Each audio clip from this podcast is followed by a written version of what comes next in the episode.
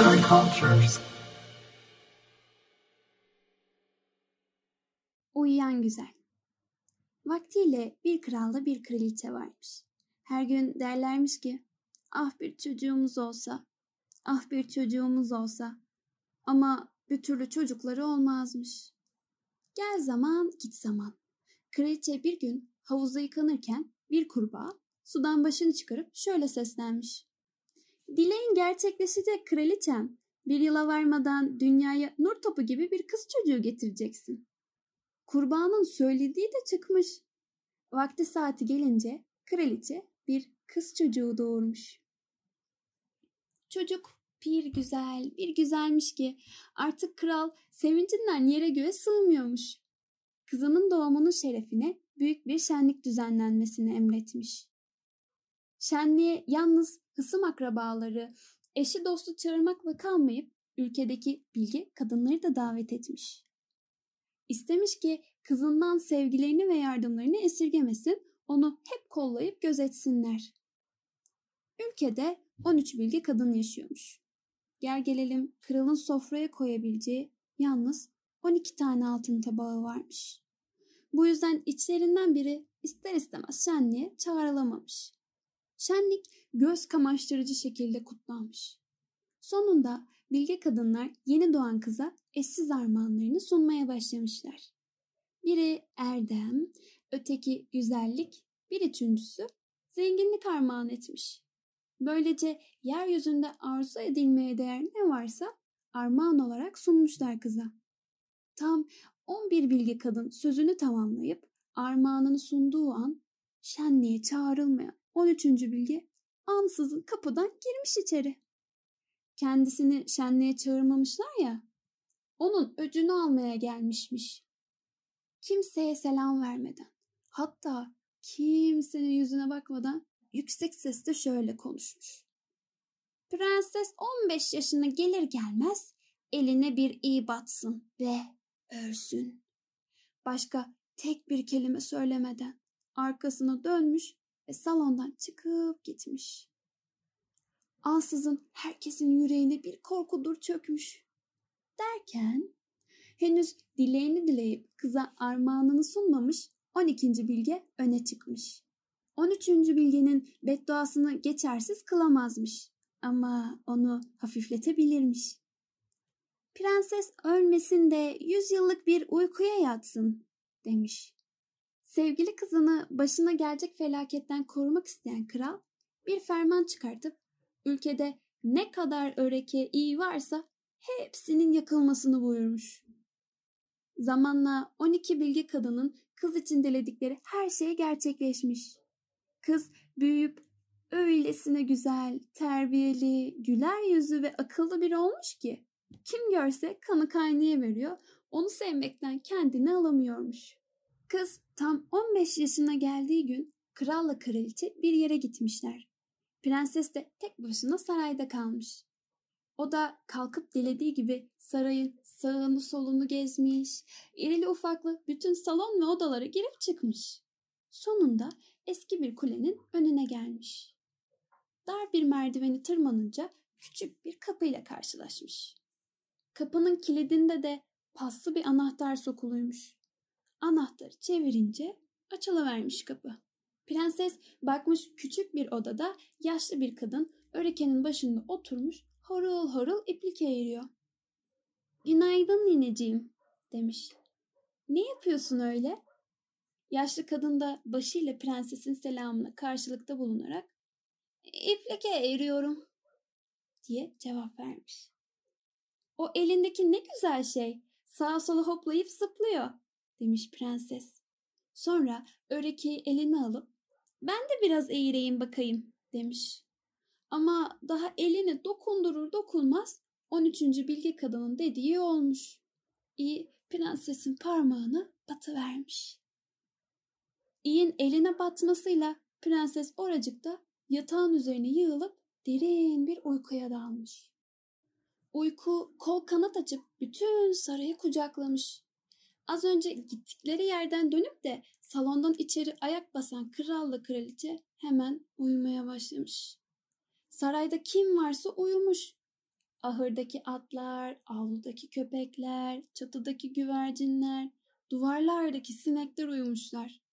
Hatta şöminede çıtır çıtır yanan ateş bile sesini kesip uyumaya başlamış. Tavadaki kızaran et cızırdamayı bırakıp uykuya yatmış. Tam o sırada mutfakta yamaklık yapan oğlan kabahat işlemiş de aşçıbaşı saçlarından tutup çekiyormuş. O da oğlanı bırakıp uyumaya koyulmuş. Dışarıda esen rüzgar dinmiş, sarayın önündeki ağaçlarda tek bir yaprak bile kıpırdamaz olmuş. Beri yandan sarayın dört bir yanını dikenli bir çit sarmış. Çit yıldan yıla büyük boy atmış. Sonunda sarayı baştan başa kuşatıp örtmüş üzerine. Görünürde saray falan kalmamış.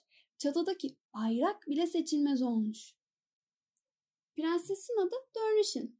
Yani dikenli gülüymiş. Uyuyan güzel Dörnüş'ünle ilgili bir söylenti ülkede almış yürümüş. Kulaktan kulağa dolaşmaya başlamış. Zaman zaman söylenti işten kimi prensler gelerek dikenli çiti geçmek ve saraya girmek istemişler. Ama bir türlü başaramamışlar. Çünkü dikenlerin sanki elleri kolları varmış da onları kıskıvrak yakalayıp koy vermiyormuş. Delikanlı prensler çitlerin dikenlerine takılıp kalmış. Kendilerini kurtaramayarak içler acısı bir şekilde ölüp gitmiş hepsi. Aradan çok ama pek çok yıl geçmiş. Derken ülkeye yine bir prens çıkıp gelmiş. Yaşlı bir adamdan dikenli çitin öyküsünü dinlemiş. Adam çitin arkasında bir saray bulunduğunu, içinde Dörnşin adında dünya güzeli bir prensesin yüz yıldır uyumakta olduğunu, yalnız prensesin değil, kralın, kraliçenin, bütün saraydakilerinde yüz yıldır uyuduklarını prense bir bir anlatmış. Adamın dedesinden işittiğine göre şimdiye kadar bir sürü prens dikenli çiti aşıp saraya ulaşmaya çalışmışsa da hepsi dikenlere takılıp kalmış ve içler acısı bir ölümle ölmüş. Prens de bunun üzerine demiş ki ben korkmuyorum. Mutlaka dikenli çiti geçip uyuyan güzellik göreceğim. Yaşlı adam ne kadar yapma etme dediyse de prens dinlemeyip yola düşmüş. Tam bu sırada yüz yıl dolmuş da uyuyan güzel Dörnüş'ün yine uyanacağı gün gelmişmiş. Prens dikenli çite yaklaştığı zaman bakmış ki dikenler kaybolmuş. Çit baştan aşağı çiçeklerle bezenmiş. Hepsi de kocaman güzel çiçeklermiş. İki yana aralanıp prense yol vermişler. Prens de sağ salim yürüyüp gitmiş çitin içinden. O geçerken aralanan çiçekler sonradan birbirlerine kavuşup yine eskisi gibi dikenli bir çit oluşturmuş. Sarayın avlusuna gelen prens ahırda uyuyan atları görmüş. Av köpekleri yerlere uzanmış yatıyormuş. Çatıda küçük başcağızlarını kanatlarının altına sokmuş tüneyen güvercinler ilişmiş gözüne. Derken prens saraydan içeri girmiş. Bakmış duvarlarda sinekler uyuyor. Mutfakta aşçı başının eli yamağının saçlarına yakalamak ister gibi uzanmış duruyor havada. Hizmetçi kız da yolunup temizlenecek kara bir kavuğun başında kımıldamadan oturuyormuş. Yoluna devam eden prens salonun kapısından içeri girmiş. Bakmış kralın bütün adamları oldukları yere uzanmış uyuyorlar. Salonun üst başındaki tahtın yanı başında da kral ve kraliçe yatıyormuş. Prens salonda durmayıp sarayın daha başka yerlerini dolaşmış. Ortalıkta çıt çıkmıyor, insan kendi nefes alıp verişini işte biliyormuş. En sonunda prens kuleye tırmanıp Dörnüş'ün uyuduğu küçük odaya girmiş. Bakmış prenses yatakta yatıyor. Bir de güzel, bir de güzelmiş ki gözlerini bir daha kendisinden ayıramamış. Eğilip dudaklarına bir öpücük kondurmuş. Öpücüğü hisseder hissetmez uyanıp gözlerini açan prenses tatlı tatlı gülümseyerek prensin yüzüne bakmış. Derken prens ve prenses el ele tutuşup kuleden aşağı inmişler. Bu arada kral, kraliçe ve saraydaki öbür kişiler de uyanmış. şaşkın şaşkın birbirlerinin yüzüne bakmışlar. Avludaki atlar ayaklarının üzerine dikilip şöyle bir silkinmiş. Av köpekleri yattıkları yerlerden fırlayıp kalkarak kuyruklarını sallamaya koyulmuş. Çatıdaki güvercinler başcağızlarını kanatlarının altından çıkarıp bir sağlarına bir sollarına göz gezdirmiş.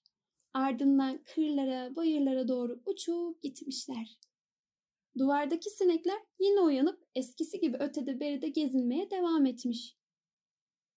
Mutfaktaki ateş başını doğrultup çıtır çıtır yanmaya ve yemeği pişirmeye başlamış. Tavadaki et eskisi gibi cızırdamış. Aşçıbaşı havada uzanmış, duran eliyle yamağa bir tokat patlatmış. Yamak da ağlamaya koyulmuş. Hizmetçi kız önceki gibi elindeki tavuğu temizlemeye devam etmiş. Bunun üzerine düğün dernek kurulup prensle prenses evlenip ömürlerinin sonlarına kadar mutluluk ve esenlik içinde yaşamışlar. Onlar ermiş muradına, biz çıkalım kerevetine.